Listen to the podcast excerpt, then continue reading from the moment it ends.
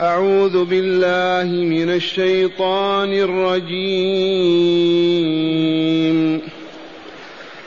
ولو أن أهل القرى آمنوا واتقوا لفتحنا عليهم بركات من السماء والأرض.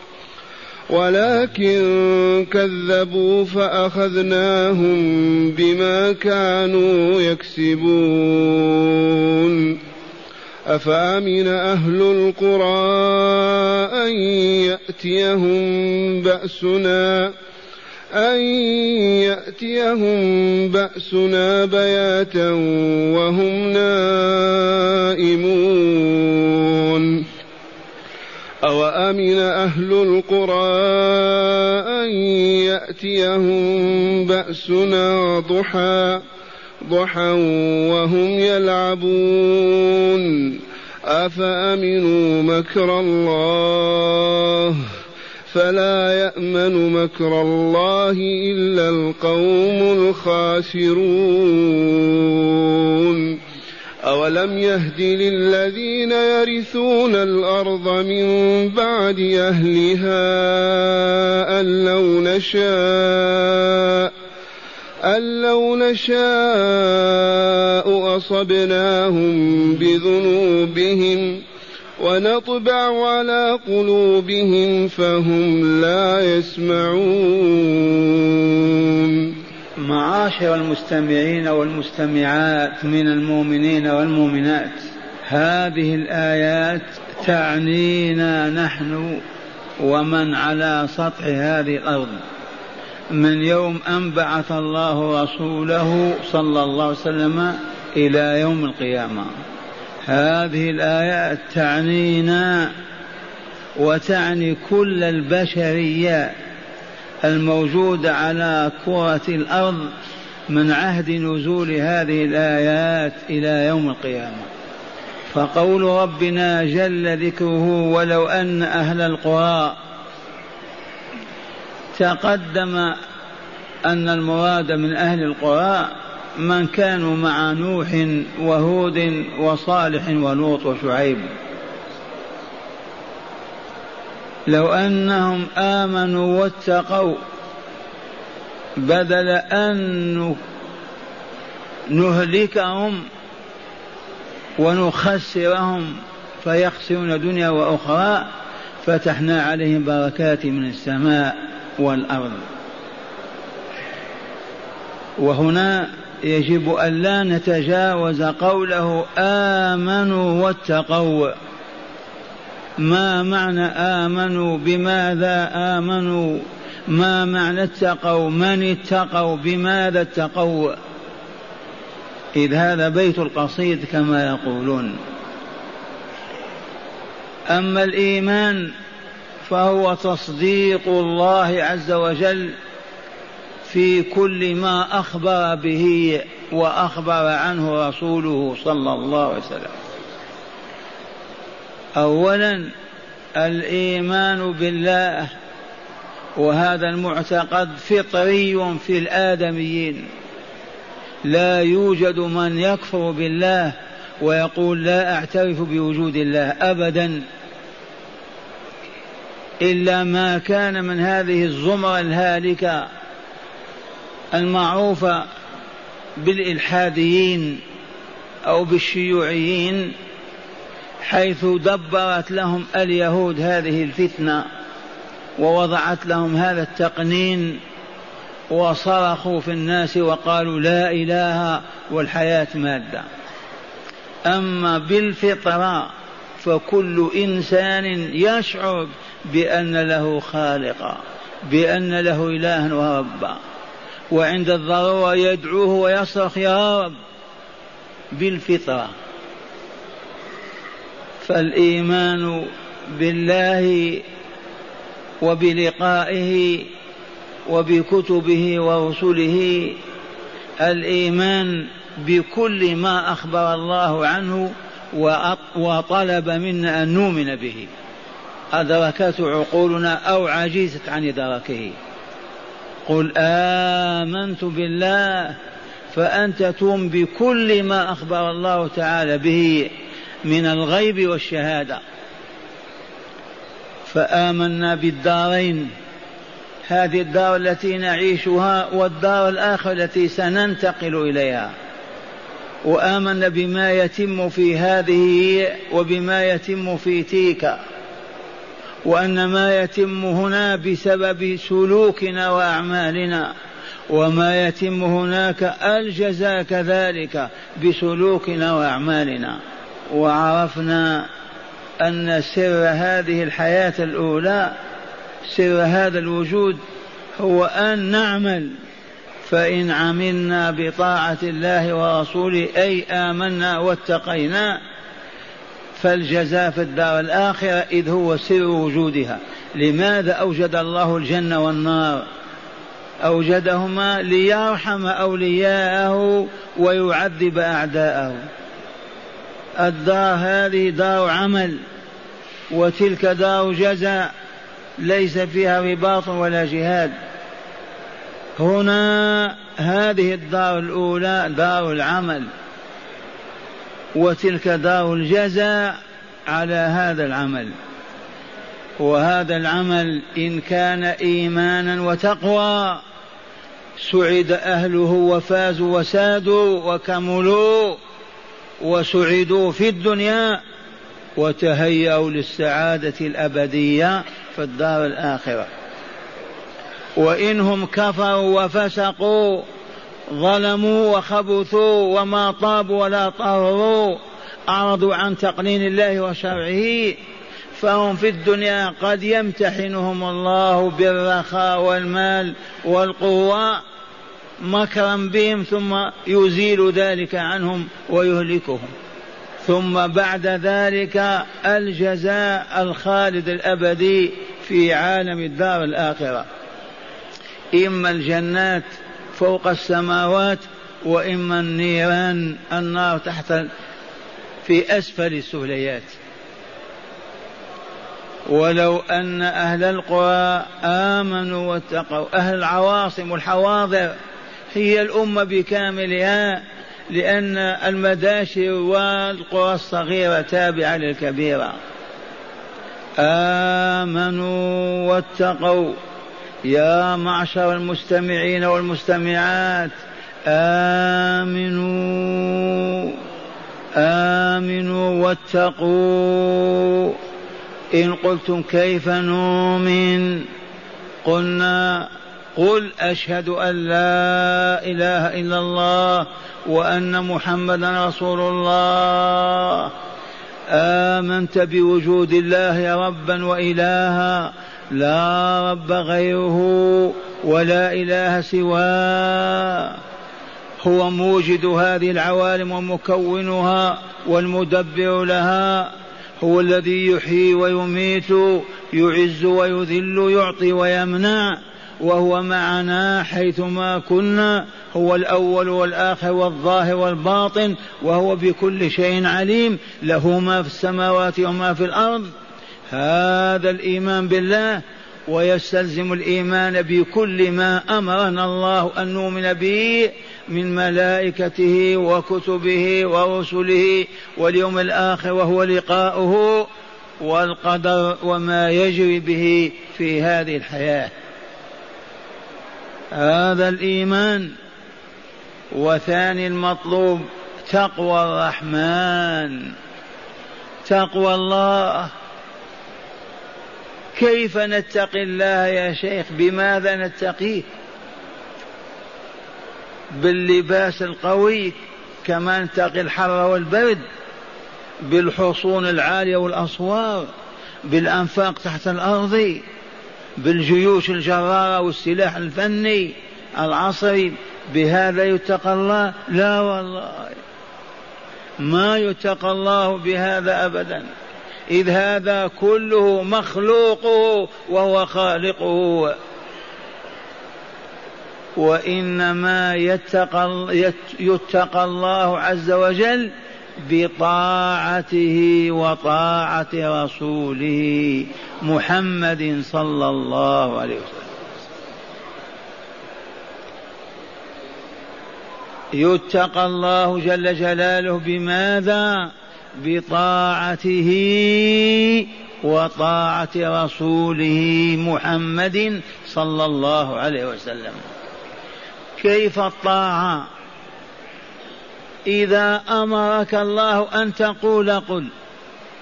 أمرك أن تسكت اسكت. أطعته. أمرك أن تأكل كل. نهاك أن تأكل لا تأكل. والله أطعته. أمرك الله أن تصلي فصلي. نهاك أن تلعب وتعبث انتهي. أطعته.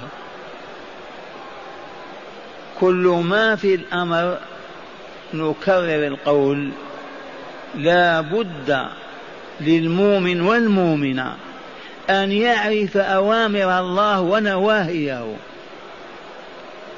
وأوامر رسول الله ونواهيه معرفة كما نعرف الطعام والشراب. والذي لا يعرف أوامر الله ولا نواهيه ولا أوامر رسول الله ولا نواهيه ما يستطيع أن يتقي الله. ما يقدر غير ممكن.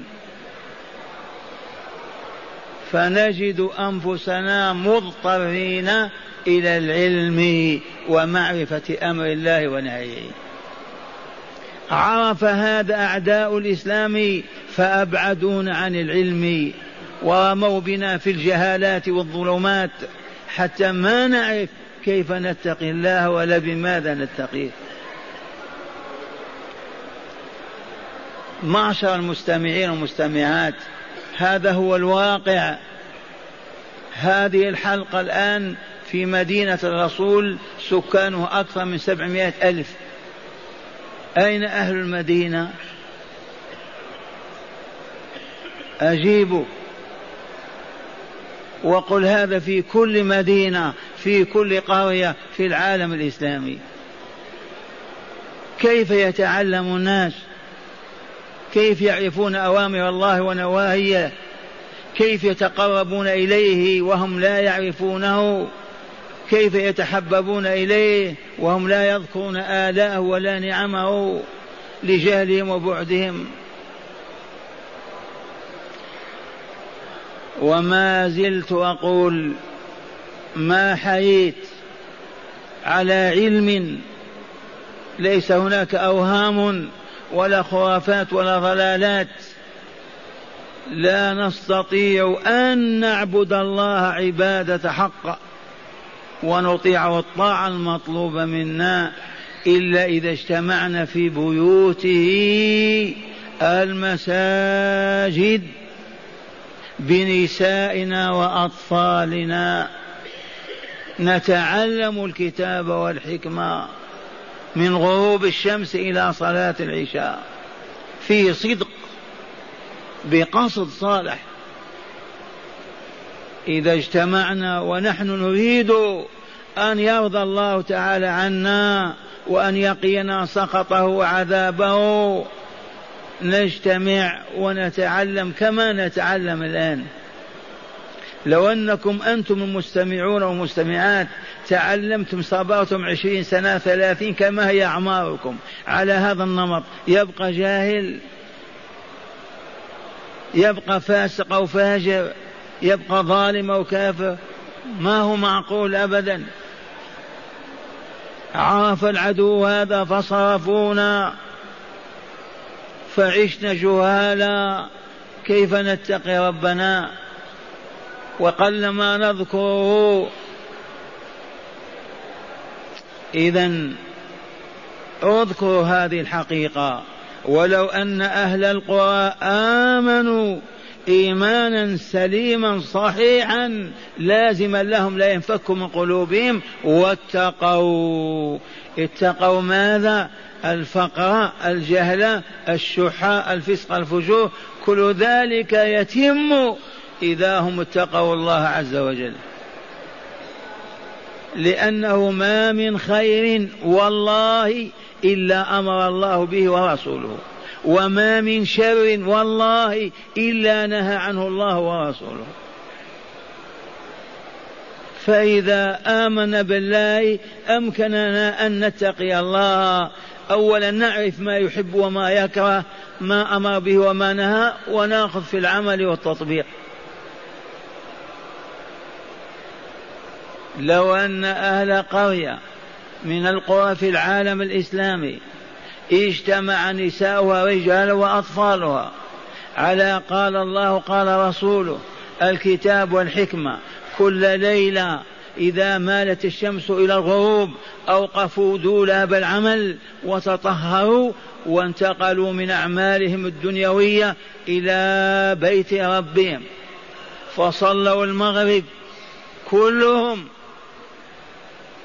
ثم جلسوا النساء وراء والأطفال دونهن والفحول أمامهن وجلس لهم مرب عليم حكيم يعلمهم الكتاب والحكمة ويزكيهم نيابة عن رسول الله صلى الله عليه وسلم. وذلك كل ليلة ما يتخلف دكان مفتوح ولا مقهى ولا مسحات في يدنا فلاح ولا آلة في يد نجار. كلهم فزعوا إلى ربهم من المغرب إلى العشاء. كل ليلة هي كل ليلة. هل يضرهم ذلك؟ يوقف حياتهم يسبب شقاءهم. ما الذي يحدثه لهم؟ وكثيرا ما نقول الكفار الذين أصبحنا نقلدهم ونمشي وراهم في كل شيء. إلا ما شاء الله إذا دقت الساعة السادسة مساء وقف العمل. وذهبوا إلى الملاهي والمقاهي والمراقص والمقاصف ودور السينما. أليس كذلك يا عبد السلام؟ ونحن ما نستطيع أن نذهب إلى بيت الرب. مجانين نحن أم حق أم عميان أم ضلال. نفزع إلى الله. ليطهر أرواحنا ويزكي نفوسنا ليدفع عنا البلاء ليدفع عنا الشقاء. يجلسون من المغرب إلى العشاء جلوسا هذا فإذا صلوا العشاء عادوا إلى بيوتهم. أربعين يوما أربعة أشهر سنة. أقول لم يبق في تلك القرية أو ذلك الحي مجرم ولا فاسق ولا ظالم ولا كافر ولا جاهل ولا ولا ولا. والذي ما أطاق النور الإلهي فسوف يرحل من الحي والقرية. أو يلبس برنيطة ويدعي أنه كافر. وأما الذين ثبتوا ما تمضي السناء وكلهم أولياء الله. تريدون أن تعرفوا والله ما يبقى بينهم من يظلم. ولا من يجوع أو يعرى ولم يبق بينهم من يعتدي على أخيه ولو بكلمة سوء. أبدا وأزيدكم. والله لا يتوفر لهم المال حتى ما يجدوا ما يفعلون به. انتهى الإسراف وحب الشهوات والأهواء والأطماع الفارغة. جاء الاقتصاد في اللباس والطعام والشراب ماذا يفعلون بالمال؟ هذا العلاج والله لا علاج غيره. وها هو ربنا يقول ولو أن أهل القرى آمنوا واتقوا لفتحنا عليهم بركات من السماء والأرض وضربت لكم المثل البارحة بالعرب في جاهليتهم ثم في إسلامهم. أما فتح الله عليهم أبواب السماء والأرض فأصبحوا أسعد البشرية وأقواها وأكملها وأطهرها ثلاث قرون. من ينكر هذا؟ إلا الحاقدون الماكرون. ما سبب ذلك؟ قولوا آمنوا واتقوا. أما إيمان مهلهل تقوى لا وجود لها أو تظهر في جهة وتختفي في أخرى ما ينفع ذلك. والبرهان, والبرهان الساطع لما أبعدونا عن الكتاب والسنة ومزقونا وفرقونا جماعات وأحزاب ومذاهب و و كيف حالنا؟ أما أذلنا الله؟ أما سلط الكفار علينا أما أهانونا أما أما أما كل واقع هذا. نطلب الدليل على ما. ولكن كذبوا. ما آمنوا ولا اتقوا فأخذناهم بما كانوا يكسبون أي بكسبهم الذي هو الشرك والظلم والفسق والشر والفساد. أخذناهم بسبب ماذا؟ بما كانوا يكسبون أي بكسبهم؟ لأن الله تعالى منزه عن الظلم. ولا يظلم ربك أحدا. الظلم من شأن الضعفاء المحتاجين يظلمون ليكملوا ويسعدوا. أما الرب بيده كل شيء وملك كل شيء. كيف يظلم؟ تنزه عن الظلم.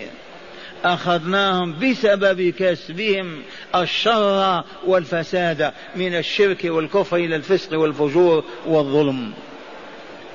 هذا كلام الله وإلى ماذا؟ اسمعوا الآية مرة ثانية. ولو أن أهل القرى آمنوا واتقوا لفتحنا عليهم بركات من السماء والأرض كذلك. من السماء بينا الأمطار وما تنبت والإلهامات الربانية والعلوم المعارف الإلهية والعقول المتفوقة. كل ذلك عطاء الله من فوق. ولكن كذبوا فأخذناهم بما كانوا يكسبون. أخذ قوم صالح قوم هود قوم عاد قوم شعيب قوم كل الأقوام أخذها. لأنهم ما آمنوا ولا اتقوا فقط. ثم قال تعالى واسمع الآن هذا في شأن السابقين الماضين.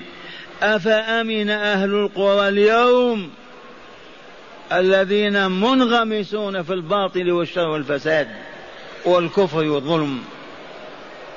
أنسوا هذا الذي تقدم أم جهلوه أم لم يعرفوه أم استخفوا به فآمنوا أن يأتيهم بأس الله. هذا الإعلان. أفأمن أهل القرى أي العواصم الحواضر؟ أمنوا آش أن يأتيهم بأس الله. والبأس الشدة والقوة ولا لا وما ينجم عنهما من الدمار والإهلاك والخراب. بأسنا بياتا ليلا وهم نائمون وإذا بهم هلكوا أجمعين. أو أو أمن أهل القرى أن يأتيهم بأسنا ضحى وهم يلعبون لا وهم يصلون. لطيفة هذه. وهم يلعبون. يا شيخ كيف تقول يلعبون؟ هذه مصانع تنتج مزارع تنتج متاجر كذا. هذا ما هو لعب. عرفتم؟ كيف يقول تعالى ضحى الساعة العاشرة والحادية عشرة وهم يلعبون؟ الجواب أن الذي يعمل لهذه الدار ليأكل ويشرب وينكح ويتلذذ وينسى الدار الآخرة دار الخلد والبقاء والنعيم المقيم والعذاب الأليم. عمل هذا بدون إيمان وتقوى ولعب. يعود منه كما يعود الأطفال من لاعبهم إلى بيوتهم. في نتيجة حسنة واحدة سجلت لهم. يلعبون. مصانع ومتاج ومزار يعملون ثبات. وهم كذلك حتى يأخذهم الجبار بما شاء. وهم يلعبون. فلهذا اسمعوا وعوا واحفظوا وعلموا أن المؤمن العارف التقي المسحات في يده وهو يفلح الأرض لوجه الله. والله عباد له. النجار في يده المنجر وهو ينجر الخشب ولله يجر في عبادة. عرفتم؟ كل أعمال المؤمنين لله. إذ إنا لله وإنا إليه راجعون. فهو يبني ويهدم ويطلق ويزوج من أجل الله تعالى. يأكل ويشرب من أجل من؟ من أجل الله يأكل لله ويشرب لله. أي ليحفظ ذاته ليعبد الله ويذكره ويشكره. فالمؤمنون المتقون أعمالهم الدنيوية كأعمالهم الأخروية الكل لله وإلا لا لأنهم وقف على الله. أما قال الله تعالى لرسوله وأمته تابعة له قل يا رسولنا إن صلاتي ونسكي ومحياي ومماتي لله رب العالمين لا شريك له. وبذلك أمرت وأنا أول المسلمين. لم طلقت امرأتك يا فلان؟ يقول لأني خشيت أن تتأذى مني. ما استطاعت أن تصبر. وأنا بي عيب كذا وكذا. رحمة بأختي طلقتها. طلق لله أو لمن؟ يا فلان تتزوجت. لما تزوجت؟ قال تزوجت لأني خفت أن أعصي رب. أن يغر بي الشيطان وأزني أو أفجر أو يقول وجدت امرأة في حاجة إلى من يعولها إلى من يؤويها ويسترها فسترتها وتزوجتها. هذا عمل لله أو لمن؟ وقل ما شئت يا فلان لماذا فتحت هذا الدكان؟ يقول فتحت لله من أجل أن نبيع ونشتري في حدود ما شرع الله لنا لنحصل على قوت لي ولأسرتي حتى يمكننا أن نعبد الله عز وجل. فهذا تجارة لله وإلا لا؟ فمن فقد هذا المعتقد وانحل من هذا السلك الذهبي وأصبح يبني ويهدم ويطلق ويتزوج للأكل والشرب والنكاح والله لكاللاعب يعود بلا حسنة. هل اللاعب لما يلعب يعود بدنانير لبيته؟ يعود بشيء؟ أو ما عرفتم. الأولاد لما يلعبون ويصيحون ويجون ساعات لما يرجعون إلى بيوتهم يجيبوا معهم شيء اكتسبوه؟ لاعب. فهذا الذي يعمل الليل والنهار من أجل فرجه وبطنه من أجل الدنيا والتعالي والتكبر ناسيا لله ولقائه والله أسوأ من اللاعب وأقبح منه أضل منه. وصدق الله العظيم. أفأمن أهل القرى أن يأتيهم بأسنا بياتا وهم نائمون؟ أو أمن أهل القرى أن يأتيهم بأسنا ضحى وهم يلعبون الساعة العاشرة والتاسعة وهم يلعبون. فهل يتصور أن القرية كلهم يلعبون في الملعب؟ يعقل هذا الكلام؟ واقع هذا؟ لا والله. ما معنى يلعبون؟ يعملون من أجل شهواتهم وبطونهم وفروجهم ولما ما يرجع ذلك عليهم بحسنة واحدة إذا كالذي يعمل يوما كم بلا درهم واحد. يلعب كالأطفال. فتأملوا هذه الآية الكريمة أعيد تلاوتها. أفأمن هذا معطوف على محذوف. أضلوا أجهلوا أعموا أمالهم فأمن أهل القرى أن يأتيهم بأسنا بياتا أي ليلا وهم نائمون. أو أمن أهل القرى أن يأتيهم بأسنا ضحى وهم يلعبون. والبأس العذاب. يسلط عليهم عدو تنزل صواعق يخسف الله بهم الأرض يوقع فتنة بينهم يأكل بعضهم بعضا. ألوان البأساء عند الله لا حد لها. ثم قال تعالى أفأمنوا مكر الله؟ هذا بيت القصيد. أقول وإلا لا؟ واسمعوا من أندونيسيا شرقا وجزر أندونيسيا إلى موريتانيا غربا. هل أهل بلاد بكوا وقالوا نحن تحت المنظار. شاع بيننا الربا والفسق والفجور والظلم وترك الصلاة والبلاء. أما نخاف أن يخسف الله بنا أو يسلط علينا عدوه أو ينزل بنا ما شاء أن ينزل من البلاء. وبكوا وفزعوا إلى الله يبكون. هل حصل هذا؟ والله ما. إذا آمنوا مكر الله لا لو ما آمنوا مكر الله وخافوا وارتعدت فرائصهم لاستجابوا إلى الله يبكون بين يديه. وطلبوا الرجوع إلى الله عز وجل وكيف يرجعون إليه؟ لكن والله لا آمنوهم لمكر الله.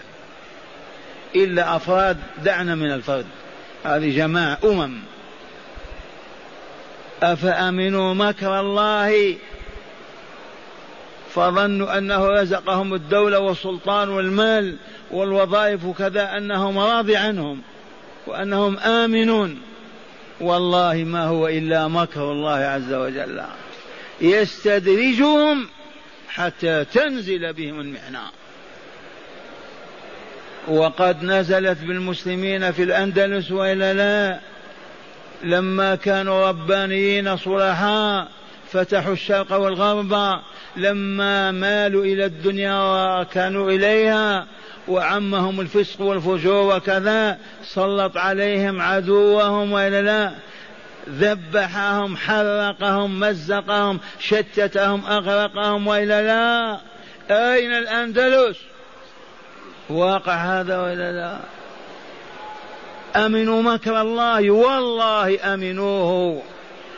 لو ما آمنوا لبكوا وعادوا إلى الله وقرعوا باب الله وفتحوا لهم ودخلوا دار الكمال والسلام. آمنوا. لما غنى المسلمون وصفقوا في الشرق والغرب أيام الخلافة العثمانية وقبلها وتقسموا وانقسموا مذاهب طرق أحزاب جماعات لا إله إلا الله كأنهم يملكون الدنيا كأن الله لا وجود له. أخذهم بغتة وهم لا يشعرون وإلا لا. سلط عليهم أوروبا فسادتهم وحكمتهم وساستهم. إذا هذا كلام عام ونحن أفراد يجب أن لا تأمن مكر الله يا عبد الله. ترى نفسك مع الربا وتقول إيش فيه مع الزنا وتقول كذا مع كذا وتقول كذا وتنسى. إنك مستدرج درجة بعد درجة إلى الهاوية. ما في دفعة واحدة. لأن ربك عليم حكيم. ما يأخذ الناس على غفلة. حتى يبين لهم الطريق. هذه الآية من يقرأها على العالم الإسلامي. أفأمنوا مكر الله؟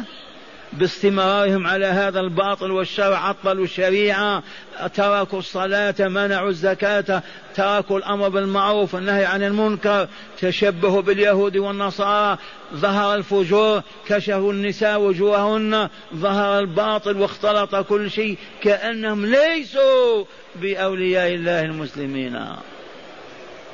ينتظرون ماذا؟ الساعة الفاصلة. ولا تستعجل لهم. لا بد من هذا. فلهذا والله يشهد نقول والله إن أمة الإسلام اليوم من أندونيسيا إلى موريتانيا غربا لا تحت النظارة. فإما أن يتداركهم الله بالتوبة يقلي قلوبهم ويقبلون على الله باكين خاشعين. تبهتم وإما يستدرجهم حتى ينزل بهم عذاب ما ذاقه آباهم وأجدادهم ولا عرفوه وإن شئتم أقسمت لكم بالله. على حكم الله وقضائه.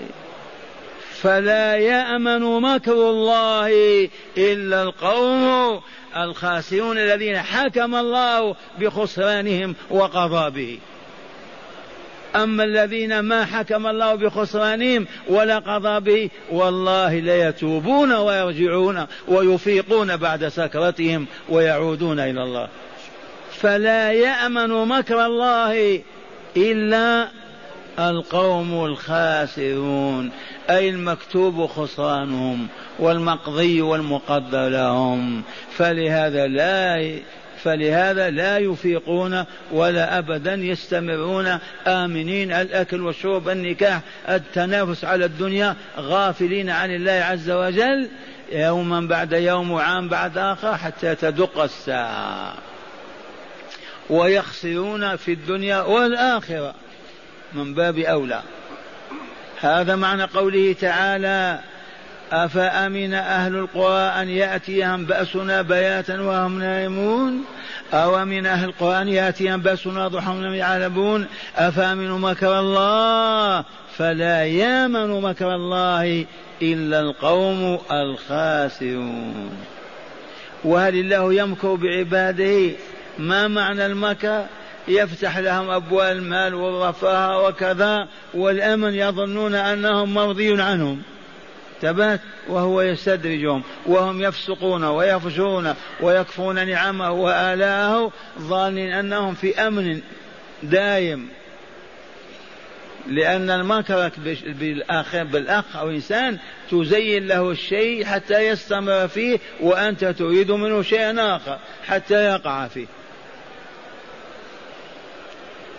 ثم قال تعالى أولم يهد للذين يرثون الأرض من بعد أهلها أن لو نشاء أصبناهم بذنوبهم ونطبع على قلوبهم فهم لا يسمعون.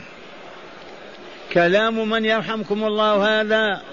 كلام الله العليم الحكيم القوي القدير.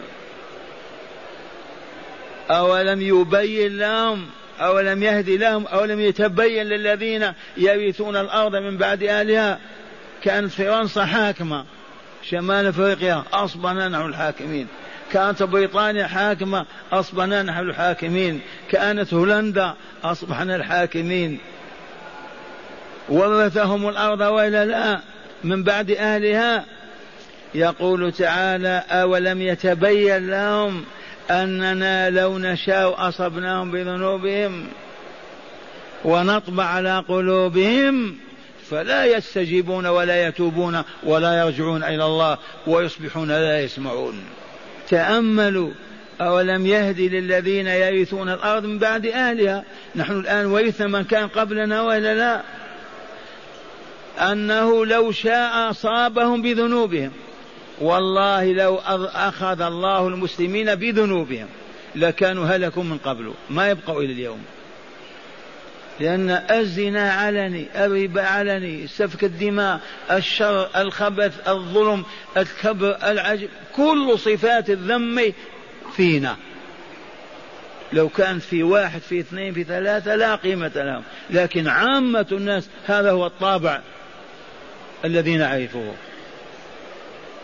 إذا فلو شاء الله لأصابهم بذنوبهم وطبع على قلوبهم وحينئذ وعظهم ذكرهم ناديهم ما يسمعون حتى تنزل الصاعقة. وهذا الرسول صلى الله عليه وسلم كان يصلي ويقول وهو ساجد اللهم إني اللهم يا مقلب القلوب والأبصار ثبت قلبي على دينك. اللهم يا مقلب القلوب والأبصار ثبت قلبي على دينك. وهذا معنى أنه لا يأمن مكر الله. لا يأمن مكر الله القوم الخاسرون. دائما المؤمن في رجاء ولا ييأس ولا يقنط ولكن دائما أيضا لا ينسى أبدا حكم الله وقضاءه في من عصاه وفسق عن أمره وخرج عن طاعته. فاهمين معنى الطبع على القلب؟ الختم. ما تدخل كلمة. هذا النوع الآن والله ملايين في المسلمين. يسمع خطبة الإمام يسبح كذا ما يدخل شيء لأن القلب ختم عليه. من أين ينفذ؟ كيف يطبع على القلب؟ بالاستمرار. الضحك واللهو والباطل واللعب والخرافة والضلالة وحب الدنيا والتهاوي فيها حتى ييأس يطبع قلبه. ولم يبق له مجال لأن يتوب. معاشر المستمعين إليكم هداية هذه الآيات. قال المؤلف غفر الله له ولكم أولا عرض الرحمن تبارك وتعالى رحمته على عباده ولم يطلب منهم أكثر من الإيمان والتقوى. ما عرض الرحمة علينا؟ والعزة والكمال والطهور والغنى بركات السماء والأرض. وطلب منا ماذا؟ نذبح أولادنا. نخرج من ديارنا. ماذا طلب؟ الإيمان والتقوى. لا يكلفك شيئا. عرض الرحمن تبارك وتعالى رحمته على عباده أبيضهم وأسودهم عربهم وعجمهم ولم يطلب منهم أكثر من الإيمان والتقوى. دل على هذا الآية السابقة ولو أن أهل القرى. ثانيا حرمة الغفلة ووجوب الذكر واليقظة. من يعلم المسلمين هذا؟ حرمة الغفلة يجب أن لا نغفل وأن ننظر إلى سنن الله وتدبيره في الخلق في الأرض كيف يكون. ما نعيش كالبهايم كذلك حرمة كذلك وجوب الذكر واليقظة. نذكر دائما ربنا ونذكر مآل مآلنا ونذكر أحوالنا ونذكر ما يسعدنا ويشقينا ولا نغفل أبدا واليقظة دائما وقد قلت كان الرسول يقول اللهم يا مقلب القلوب والأبصار ثبت قلبي على دينك. لو كان غافلا ما يقول هذا. ثالثا حرمة الأمن من مكر الله. أسألكم بالله زور الحكومات الإسلامية واجلس مجالسهم وانظر هل تجدهم خائفين من الله؟ قولوا إذا ذكرتهم يبكون. غدا نأمر الناس بفعل الطاعات وترك المال. والله ما كان. لعلي واهم. هذا دليل على على الأمن وإلا لا؟ لو ما كانوا آمنين وكانوا خائفين ما يستمرون على المعاصي يبكون مع شعوبهم. هيا! نعبد الله ونستقيم.